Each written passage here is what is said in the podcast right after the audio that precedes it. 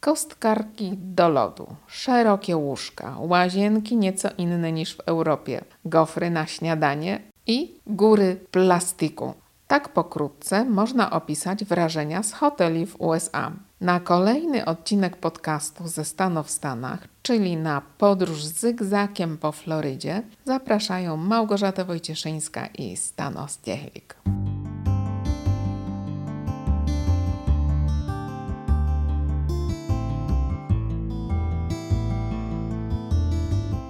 To jest podcast Klubu Polskiego.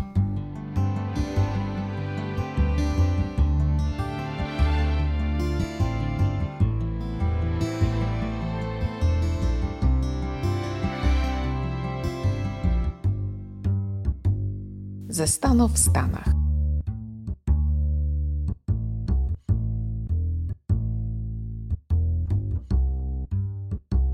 Zygzakiem przez Florydę.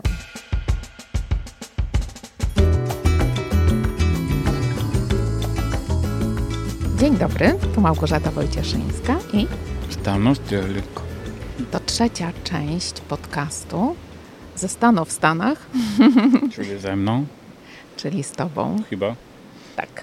Opisujemy naszą podróż do Ameryki, która rozpoczęła się na Florydzie. Lecieliśmy i przebywaliśmy tam na przełomie kwietnia i maja 2023 roku.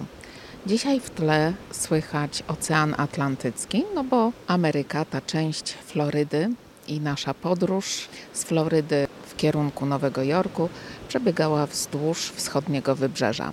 Poprzednią część naszego podcastu zakończyliśmy późno w nocy, wtedy kiedy wróciliśmy z Key West. Gdzieś na trasie na wschodnim wybrzeżu mieliśmy zarezerwowany nocleg w hotelu, ale stamtąd następnego dnia udaliśmy się w podróż. Dokąd, pamiętasz?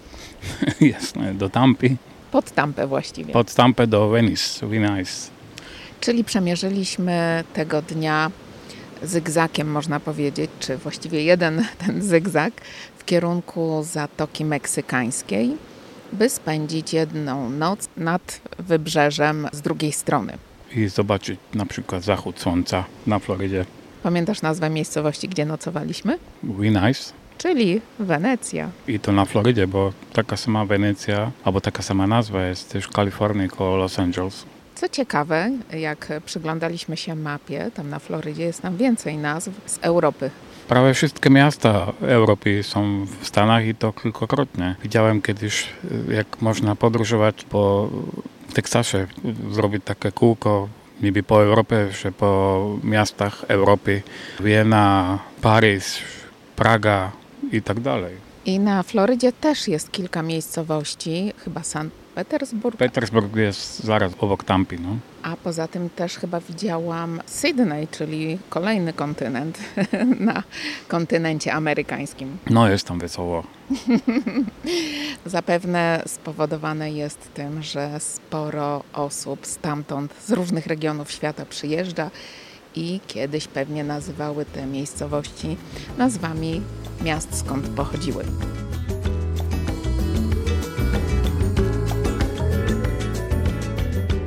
My jesteśmy w tej chwili z naszą opowieścią w Venice, czyli w Wenecji nad Zatoką Meksykańską. Bardzo cieszyliśmy się na hotel, który tam zarezerwowałeś. Był to taki troszkę droższy hotel. Miał być cudowny, ekskluzywny. Pamiętasz nasze rozczarowanie, jak sobie wtedy obiecaliśmy, że już się nigdy nie będziemy cieszyć, nastawiać na 100%, że to będzie coś cudownego.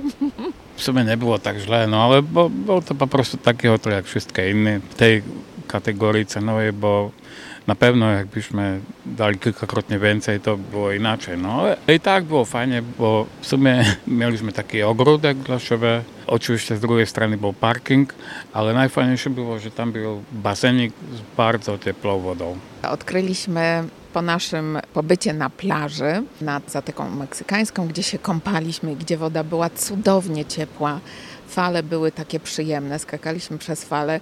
Ja to nawet miałam tam łzy w oczach, że, że takie coś jest naszym udziałem. I potem, jak wróciliśmy do tego hotelu, stwierdziliśmy, że coś czytaliśmy w ogłoszeniu tego hotelu, że tu jest basen. Zaczęliśmy go szukać. Okazało się, że jest on za takim białym, wysokim płotem. Na parkingu, tak jak wszystkie te baseny w tych hotelach. Zaraz obok parkingu, no, są samochody, zaraz basenik. Tu było fajne to, że było ogrodzony wysokim białym płotem, czyli nie było widać tych samochodów. I ten basen był taki mały, kameralny, ale woda była tak przyjemnie ciepła, że aż się nie chciało wychodzić. Ale potem, jak chcieliśmy wyjść, to nie mogliśmy wyjść. No, bo tam był taki patent, o którym nie wiedzieliśmy, bo się zatrzasli drzwi i było trzeba pociągnąć za taki sznurek, ale to nam nie przyszło do głowy, że trzeba za sznurek ciągnąć i tam stawiałem jakąś drabinę albo krzesełko, żeby z drugiej strony to... No a potem widziałem takiego faceta, ten nam pokazał, że trzeba pociągnąć za sznurek. Ty sobie tam przesunąłeś leżak. A leżak, a okej. Leżak, żeby wspiąć się wyżej i żeby twoja głowa była widoczna na parkingu i że potrzebujemy pomocy. Nie, nie, chciałem to otworzyć z drugiej strony, ale nie dosiągnąłem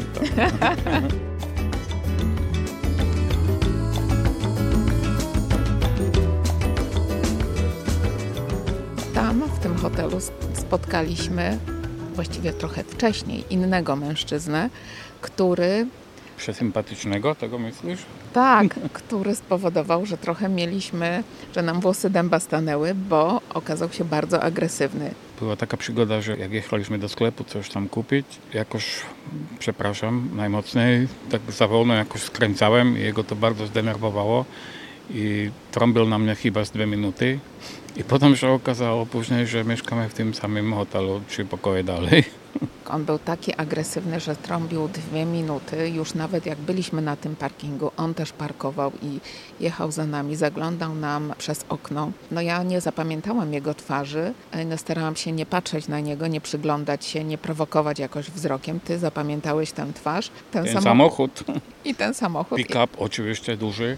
I tę samą twarz spotkaliśmy pół godziny później w naszym hotelu, gdzie on, jego ten taki agresywny głos było słychać na całym podwórku. Potem wieczorem on nawet chyba sobie robił grilla z rodziną i cały czas było słychać nerwowe takie przekleństwa, więc e, to było takie może mniej przyjemne. Również e, ja zaczęłam o tym mówić, że ten hotel okazał się takim rozczarowaniem, jakkolwiek sądziliśmy, że, że będzie z opisu, że będzie taki cudowny, bo pokój okazał się taki malutki, dosyć taki w stylu indyjskim, takim jakimś. e, No bo właścicielami byli Hindusi. ale mm, to nawet nie o to chodzi, tylko urządzony był w taki stary sposób. Stare sprzęty tam były, stara szafa, te pościele, kapy na łóżka, takie, wszystko to wydawało się takie trochę zatęchłe. Niemniej jednak właśnie tą furtką okazały się drzwi prowadzące w drugą stronę na takie podwóreczko, gdzie wyjście miały chyba jeszcze tylko jedni i drudzy nasi sąsiedzi, którzy korzystali z tego tylko tam przez chwilę. Właściwie ten taras był cały dla nas. Mało tego, okazało się, że tam są do dyspozycji grille. Każdy miał do dyspozycji takie coś, nawet węgiel tam był do dyspozycji, czyli w sumie nieźle. No.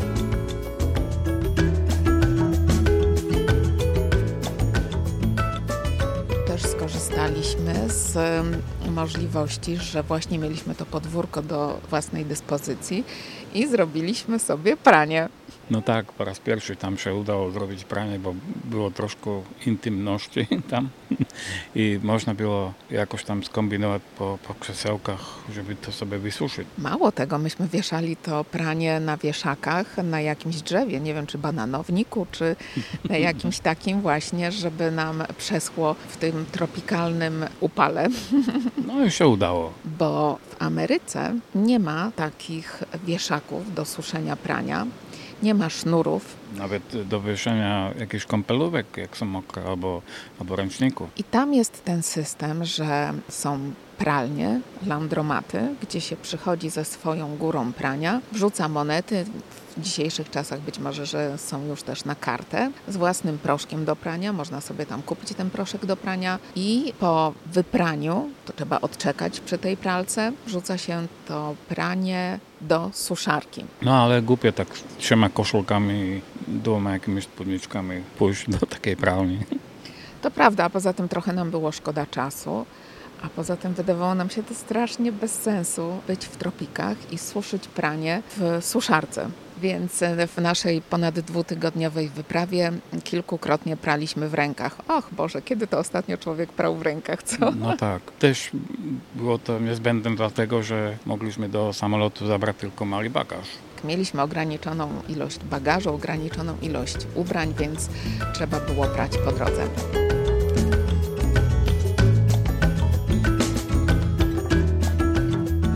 Wróćmy jeszcze do plaży, która tam była i którą zaliczyliśmy jeszcze przy zachodzie słońca. Mało kiedy się zdarza to mnie, no, żeby zobaczyć, jak zachodzi słońce do morza. Bo zwyczajnie nawet jak jest człowiek gdzieś nad morzem, to jest jakaś mgła albo jakieś coś, że nie widać, jak to słońce wpada do morza.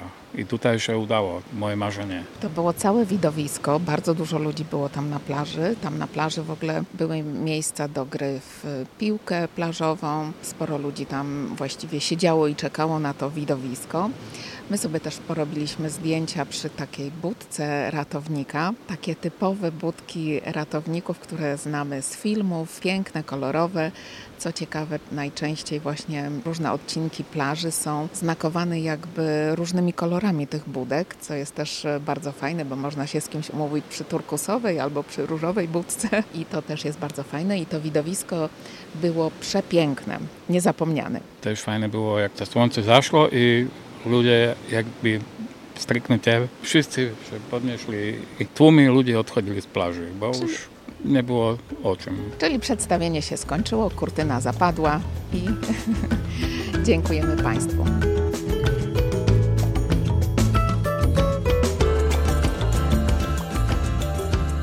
Następnego dnia oglądaliśmy wschód słońca, czy się mylę? Milsze.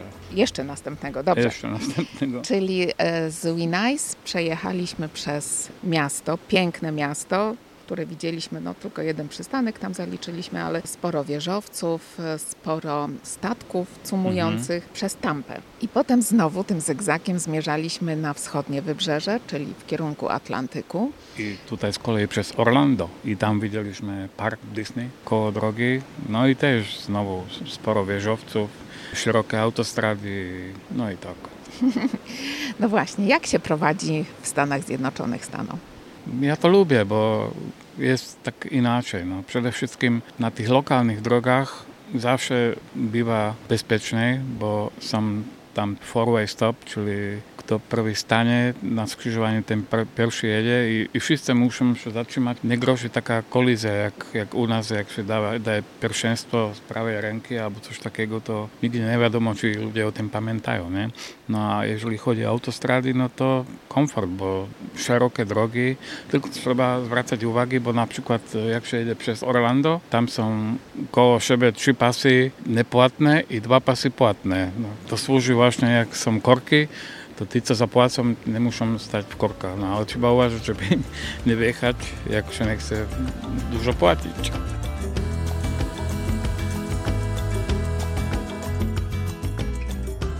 Wrócę jeszcze do tych stop na skrzyżowaniu. Dla mnie to było jak kilka lat temu pierwszy raz przyjechaliśmy do Ameryki. Było to zaskakujące, bo ja nie rozumiałam o co chodzi. Z każdej strony skrzyżowania był znak stop i wszyscy stali. I ty mi wtedy wyjaśniłeś, że to wymaga od każdego kierowcy bardzo wyostrzonej uwagi, żeby zwrócić właśnie uwagę na to, kto pierwszy przyjechał i ten pierwszy mógł wjechać na skrzyżowanie. Zawsze to bezpiecznie, bo wszyscy stoją, wszyscy muszą się zatrzymać i przypadkiem jak ktoś się chce wepchnąć albo po prostu nie wie co jak, no to nikt tam nie zrobi jakiegoś wypadku, bo wszyscy stoją i to jest fajne. No, jest to czasami męczące, jak jedziesz przez jakieś osiedle i co 100 metrów jest jakiś stop, no ale jest to bezpieczne. Druga taka ciekawostka to to, jeżeli jest skrzyżowanie ze światłami, to te światła znajdują się za skrzyżowaniem Wobec powyższego, jak człowiek podjeżdża do skrzyżowania, to go ciągnie pod te światła, przyzwyczajony do tego, co w Europie. Moje pierwsze stanie na światłach dawno temu to było po środku skrzyżowania, zaraz pod światłami. I to jest, e, nie wiem, jak się wtedy zachowali ci kierowcy, byli wyrozumiali czy trąbili? No, nie pamiętam, ale było to wesołe, bo tak stanąłem sobie, był prosty skrzyżowanie i potem założyłem się, ups, chyba coś nie gra, bo w sprawach nie mogą jechać. No to jechałem dalej wtedy. No i też ciekawe jest to, że jak jest e, czerwone światło, to można, nawet trzeba skręcić w prawo, bo z tyłu są następni, którzy chcą skręcić też. Nie ma strzałeczki, tylko jak jest napisane, że nie można skręcić w prawo na czerwonym, wtedy się stoi, ale tak to zawsze się jedzie. Czyli tak jakby permanentnie świecąca zielona strzałeczka, tylko że jej nie ma. Trzeba e, zwrócić uwagę, czy nikt nie przechodzi przez jezdnię i czy nie jedzie samochód z lewej strony, ale to chyba oczywiste.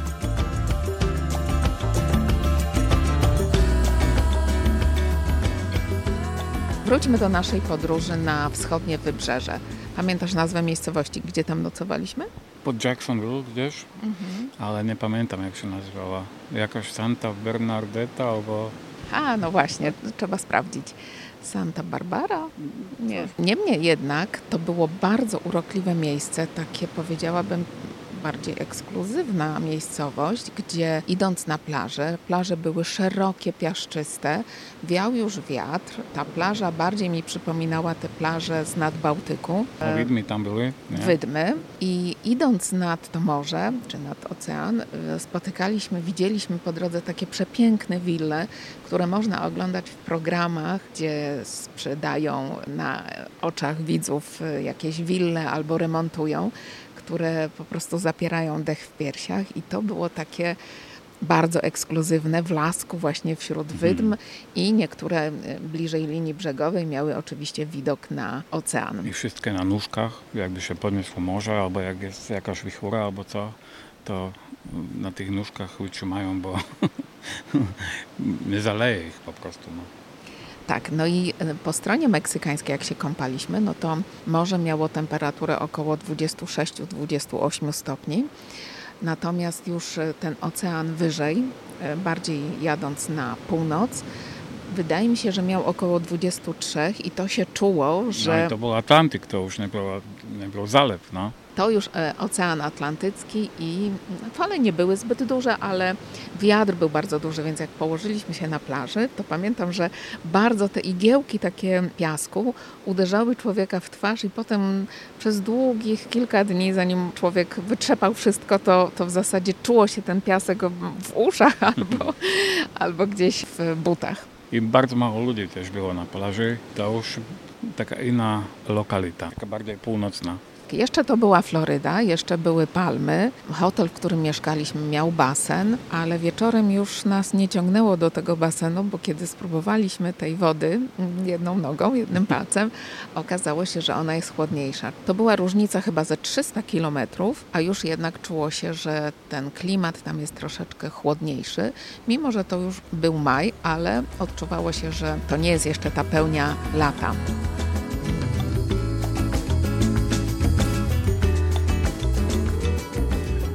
Pamiętam, że odkryliśmy, będąc właśnie na Florydzie, że we wszystkich hotelach, czy prawie wszystkich, są olbrzymie maszyny do robienia lodu. Nawet wyżej. Aż po Washington, jeszcze w Waszyngtonie była taka lodziarka, już potem dalej nie. To jest taki standard. A najpierw to robiliśmy z takimi małymi kubkami i wszystko szlało obok. A potem nam przyszło do głowy, że przecież w Ameryce wszyscy mają duże kubki, to też sobie załatwiliśmy takie duże kubki i potem było ok, że człowiek tak naciśnie i duży kubek zaraz się wypełnia lodem w Ameryce wszystko jest XXL i kostkartki na lód są też olbrzymie i jedno takie przyciśnięcie tego przycisku powoduje, że sypie się bardzo dużo lodu, który nam się nie mieścił w malutkich kubeczkach. Następnego dnia pojechaliśmy jeszcze wyżej w kierunku na północ i tam czekała nas bardzo miła niespodzianka, ponieważ hotel odpowiadał opisowi, a chociaż już nie wierzyliśmy, mówiliśmy sobie po drodze, żebyśmy się tylko nie nastawiali, że będzie tak cudownie z widokiem na ocean, no. czyli ocean. A jednak, pamiętasz no pierwsze wrażenie? To było duże zaskoczenie, bo na dole hotelik on był w remoncie i wyglądało, że chyba nie będzie najlepiej, ale potem jak otworzyliśmy drzwi od naszego pokoju, to się okazało, że widok jest niesamowity. Było to wschodnie wybrzeże, czyli tam oglądaliśmy następnego dnia wschód słońca i to było w miejscowości Mirkle. Później się okazało, że, to wyglądała taka sobie mieścina i później okazało, że tam jest lotnisko międzynarodowe, że nawet tam z Londynu latają samoloty. Pamiętam ten moment, kiedy zaparkowaliśmy samochód, y, weszliśmy do tego hotelu i nie dość, że taki kurz w powietrzu się unosił, to podłogi były zafoliowane. I sobie pomyślałam, że my chyba trafiliśmy do jakiegoś hotelu robotniczego, bo chodzili tam jeszcze robotnicy, co prawda już kończyli swoją zmianę. I taka trochę załamka, ale właśnie to, co ty mówisz, jak wjechaliśmy na samą górę i otworzyliśmy drzwi do pokoju i pojawił się ten ocean, przepiękny widok, na dole jeszcze widok widok na basen, który należał do tego hotelu. Piękna, szeroka, piaszczysta plaża. W lodówce czekała na nas niespodzianka. Widocznie ktoś z poprzednich gości zapomniał, bo mieliśmy dodatkowy bonus, pamiętasz? A koniak. I od razu pobiegliśmy do kostkarki lodu, która znajdowała się piętro niżej i sobie zrobiliśmy taki przyjemny drink na powitanie, czyli taki no. welcome drink. Trzeba powiedzieć, że ten koniak to też w takiej butelce dwulitrowej i połowa tam chyba została. No to się popiło troszkę.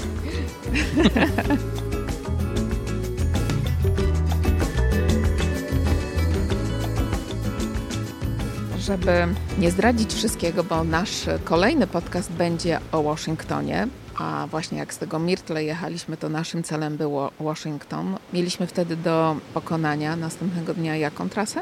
600 mhm. kilometrów. Czyli bardzo dużo i w zasadzie przez cały ten pobyt zaliczyliśmy 8 hoteli, Osiem razy zmienialiśmy pokoje hotelowe i miejsce, miejscowości i hotele. Tak naprawdę byliśmy cały czas na walizkach. Mamy trochę porównania. Oczywiście my mierzyliśmy w takie tańsze hotele, no bo...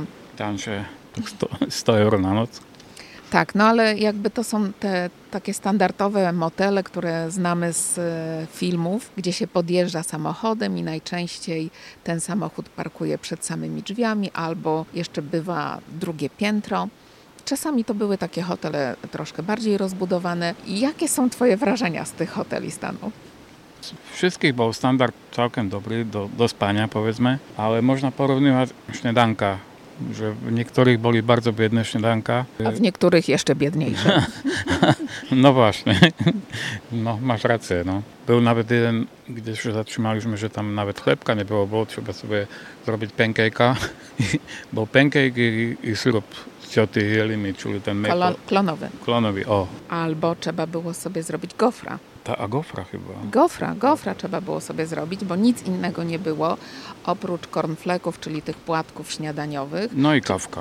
Czyli wszystko na słodko. Także bardzo ubogie. Chyba naj, najlepsze śniadanie mieliśmy w Miami, w naszym pierwszym hotelu bo dodatkowo oprócz tych wszystkich słodkich bajerów były owoce, no to czyli też słodkie, jogurty, czyli też słodkie, ale było jajko na twardo ugotowane, więc było takie przełamanie na e, słono. Do dyspozycji są też w takich malutkich opakowaniach masełka i one najczęściej też są słone albo masło orzechowe, które jest bardzo popularne w Ameryce. I trzeba powiedzieć, że wszystko opakowane w plastykach, no i jak człowiek doje, to zostaje góra śmieci. I to nas właśnie mocno martwiło, przerażało, że my w Europie staramy się ekologicznie żyć coraz bardziej i oszczędzać na tych plastikach, a w Ameryce to jest standard. To jest absolutny standard. Nawet w pokoju hotelowym nie ma szklanki, żeby się napić wody, tylko jest kubek plastikowy zapakowany w folię.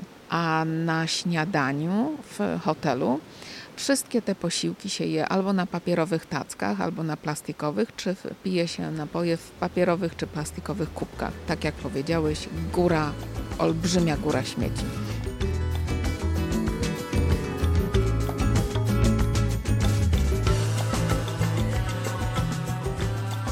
Drugiej strony trzeba powiedzieć, że łóżka na pokojach w większości tych hoteli były takie standardowe, takie dla każdego podwójne, tak, czyli można się rozpichać w łóżku. No bo to jest taki standard, to się nazywa chyba king size. Spokojnie by tam się w takim dwułóżkowym pokoju by się wyspali cztery osoby. Te łóżka są zasłane tak dla Europejczyków dosyć bez sensu, ponieważ owszem jest poduszka w powłoczce. Dużo poduszek. Tak, dużo poduszek. Pięć dla każdego chyba. Na materacu jest prześcieradło, potem jest drugie prześcieradło, pod które należy wejść i które służy jako ta ochrona przed tym kocem czy jakimś takim leciutkim przykryciem, które w ogóle nie jest powleczone, więc y, jak ktoś śpi w taki sposób, że się rzuca w tym łóżku, to rano najczęściej te prześcieradła są zmięte i, i dosyć mało estetyczne. Ale tak samo chyba jest na południu Europy, Hiszpanii, we Włoszech. No pewnie tak. Jeśli chodzi o łazienkę, to najohydniejszym takim momentem jest, kiedy człowiek pierwszy raz widzi, jak wygląda spuszczanie wody w toalecie, ponieważ woda w tej toalecie się podnosi. Lepiej nie patrzeć na to, bo, a jeszcze się robi w tym wszystkim taki wir, a potem to nagle znika wszystko. Czyli opada. Nie trzeba się bać, chociaż słyszałam, że sporo toalet w wielu takich starszych hotelach może się zapychać. Niemniej jednak, jeżeli ktoś zobaczy podnoszącą się zawartość toalety, to wcale nie musi oznaczać, że coś się popsuło. Ale będąc w łazience, trzeba też powiedzieć, że Prysznic działa tam zupełnie inaczej. O słuchawce to zapomnijcie. Nie ma takiej opcji, żeby wziąć słuchawkę do ręki i zrobić sobie prysznic tak, jak człowiekowi odpowiada, czy umyć sobie głowę nad wanną. No inna sprawa, że trzeba zawsze rozkminić, bo każdy prysznic działa inaczej. Trzeba rozkminić, że jak działa ta wajcha, bo niektóre wajchy najpierw się podnosi do góry i potem jest, jest zimna, potem jeszcze wyżej jest gorąca, niektóre to mają po środku, niektóre trzeba do siebie. Zawsze trzeba najpierw sprawdzić, jak to działa. Tą samą wajchą się reguluje, taki joystick jakby to jest, reguluje się intensywność i temperaturę, ale w tak sposób nielogiczny dla nas, że czasami można się poparzyć albo zdarzało mi się myć w chłodnej wodzie, bo nie mogłam znaleźć tej właściwej opcji, gdzie jakby można było sobie uregulować ten strumień i temperaturę wody. No tak. W wielu pokojach e, hotelowych jest też Biblia to taki standard. Wszystkich tak jest chyba.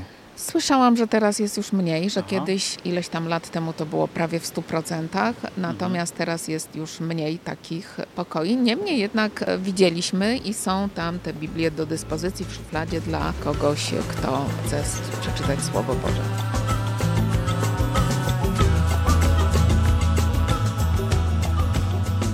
Jeżeli się zamawia nocleg w hotelu, to najczęściej parking jest za darmo, co jest dużym udogodnieniem. A jak to jest z parkowaniem w mieście? Pamiętasz? Możesz coś powiedzieć? No zależy w jakim, ale Oczywiście to trudność. Ja zawsze sprawdzałem na internecie, że gdzie można parkować, powiedzmy za darmo, bo, bo jak się wchodzi na przykład do centrum Miami i trzeba za godzinkę zapłacić 20 dolców, to człowiek sobie to przemyśli, nie? Ale da się znaleźć miejsce tak samo w Miami, jak i w Waszyngtonie znaleźliśmy tylko w Nowym Jorku się nie odważyłem. Po Manhattanie trudno parkować, bo to jednak szaleństwo. No tak.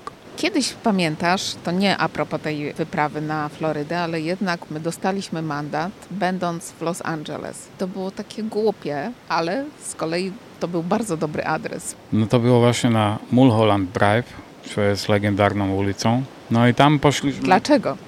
No tak tam jakieś filmy się kręcili nawet. Polanski tam mieszkał chyba. A no inne różne osobistości tam mieszkają. No chcieliśmy to zobaczyć oczywiście.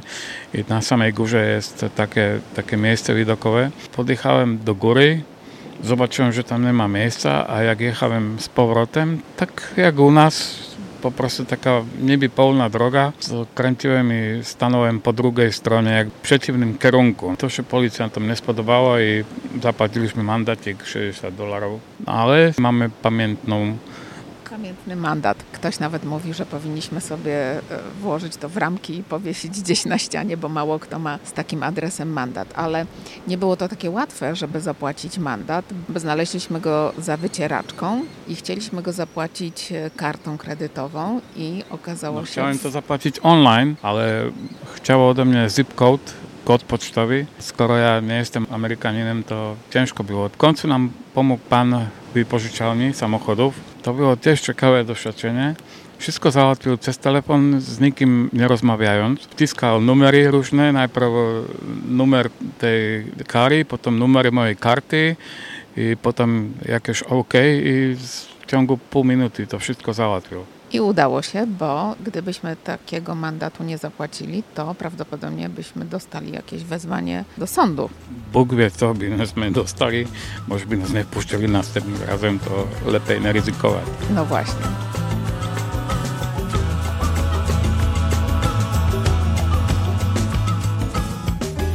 Jeszcze a propos jazdy autostradami, są takie miejsca, gdzie możesz jechać szybciej. Nie tylko tak jak wspominałeś, że płatną autostradą, ale są takie pasy, które pozwalają ci jechać szybciej niż pozostali. To się nazywa carpool i to znaczy, że jak jest w samochodzie więcej niż jedna osoba, to już można jechać takim pasem.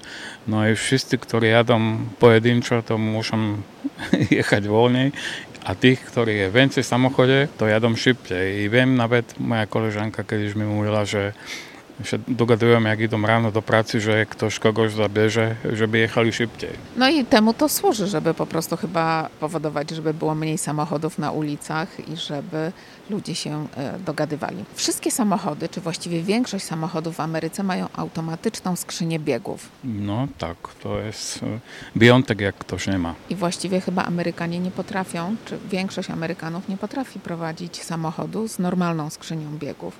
Więc z normalną? To... z manualną. No. tak, więc to jest taki standard, że otrzymujesz samochód i zawsze jest automatyczna skrzynia biegów. Co ciekawe, zamawiając samochód w wypożyczalni, zawsze dostajesz coś innego niż zamawiałeś. No to inna sprawa. Zawsze jak wybieram samochód, to wybieram najmniejszy jaki jest, a i tak dostaję duży. Pamiętam jak y, byliśmy w Kalifornii, zamówiłem malutki Fiat, a wypożyczalni mi powiedzieli, że nie mają nawet takiego, a dostaliśmy normalny, standardowy jakiś Chevrolet. Tam wtedy w Los Angeles było niezwykłe to, że w Hertz, na lotnisku jak się zapytałeś, gdzie jest Hertz, to pan ci powiedział jak? Hertz. No właśnie, Hertz. I kiedy dotarliśmy do tej wypożyczalni, okazało się, że my możemy sobie wybrać z jakiegoś rejonu samochodów takie auto, które nam się podoba. I w każdym samochodzie kluczyki były na siedzeniu, czyli my przeszliśmy przez ten rewir, przez ten plac, który należał jakby do tej kategorii samochodów, który, e, w której myśmy się mieścili podczas, na podstawie tego no, naszego... Trzeba powiedzieć, że to była kategoria, ja zamówiłem mały Fiatik. I mm, okazało się, że my mogliśmy tam sobie wypożyczyć różne wypasione samochody, takie nawet większe, ale jakby z ekonomicznego punktu widzenia wzięliśmy nie największy. Ale fajny czerwony, taki chciałaś. Tak, bo ty mówiłeś, że weźmy najmniejszy, najmniejszy, już szedłeś do jakiegoś szarego czy czarnego. Ja wtedy pamiętam, powiedziałem, to chociaż czerwony, niech ma ładny kolor.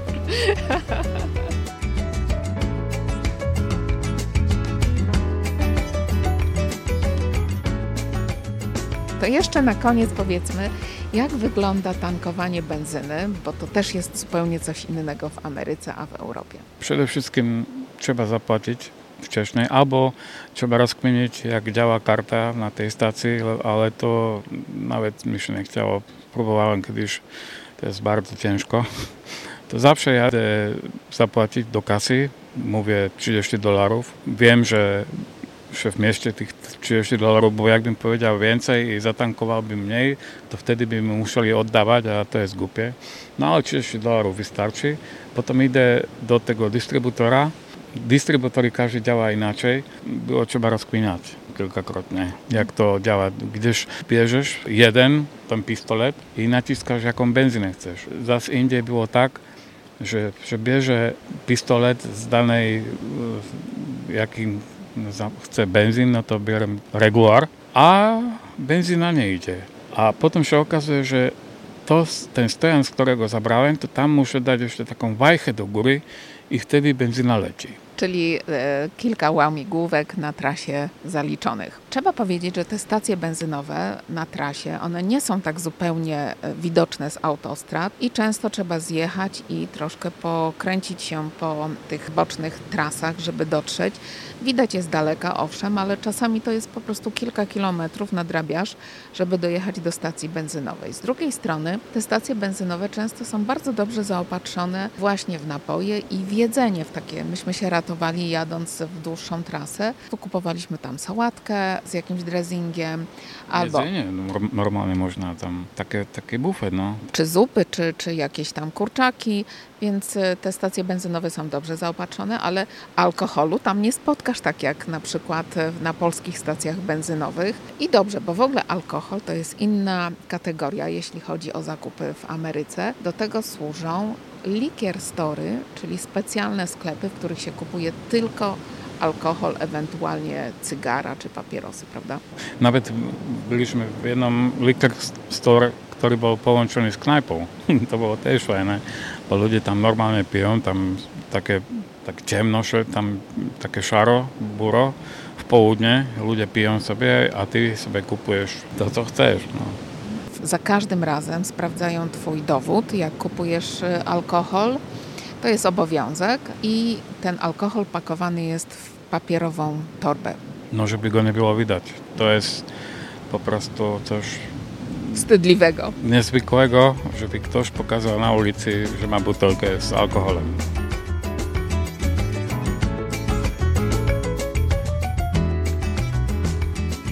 Sklepach z kolei, w tych sklepach spożywczych, różnych samoobsługowych, wciąż nadal w wielu stanach, jak widzieliśmy, pakowane są zakupy w torby foliowe.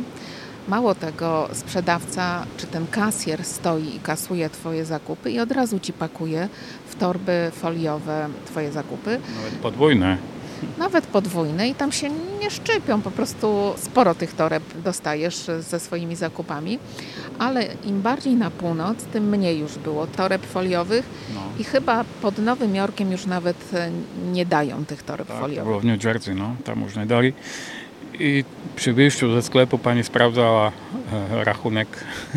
A tak, to było w New Jersey, ale to o tym opowiemy w kolejnych odcinkach naszego podcastu ze Stanów w Stanach. Jesteśmy właściwie tak trzy czwarte drogi, al- ale czasowo to było tak gdzieś mniej więcej w połowie naszej trasy, czyli mamy już za sobą Florydę i zmierzamy w kierunku do Waszyngtonu. I o tym opowiemy następnym razem.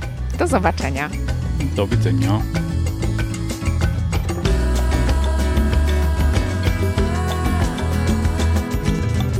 Za uwagę dziękuję Małgorzata Wojcieszyńska i Stanos Ciechlik. Zapraszamy na kolejny odcinek z serii ze Stanów w Stanach, w którym dotrzemy do Waszyngtonu. To miasto nas oczarowało. Jest tu sporo zieleni i przestrzeni i choć nie ma w nim drapaczy chmur, to amerykańska stolica ma inne walory.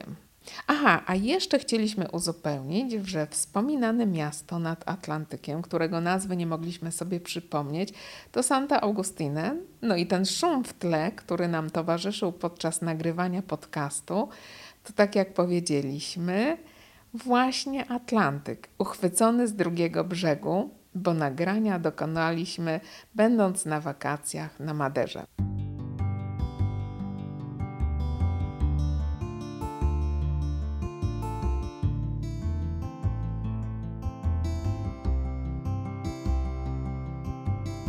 Podcast wyprodukował Klub Polski na Słowacji z finansowym wsparciem Funduszu Wspierającego Kulturę Mniejszości Narodowych.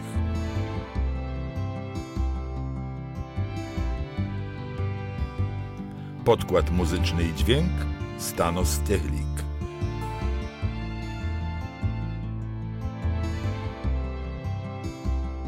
Zapraszamy na kolejne odcinki podcastów Klubu Polskiego.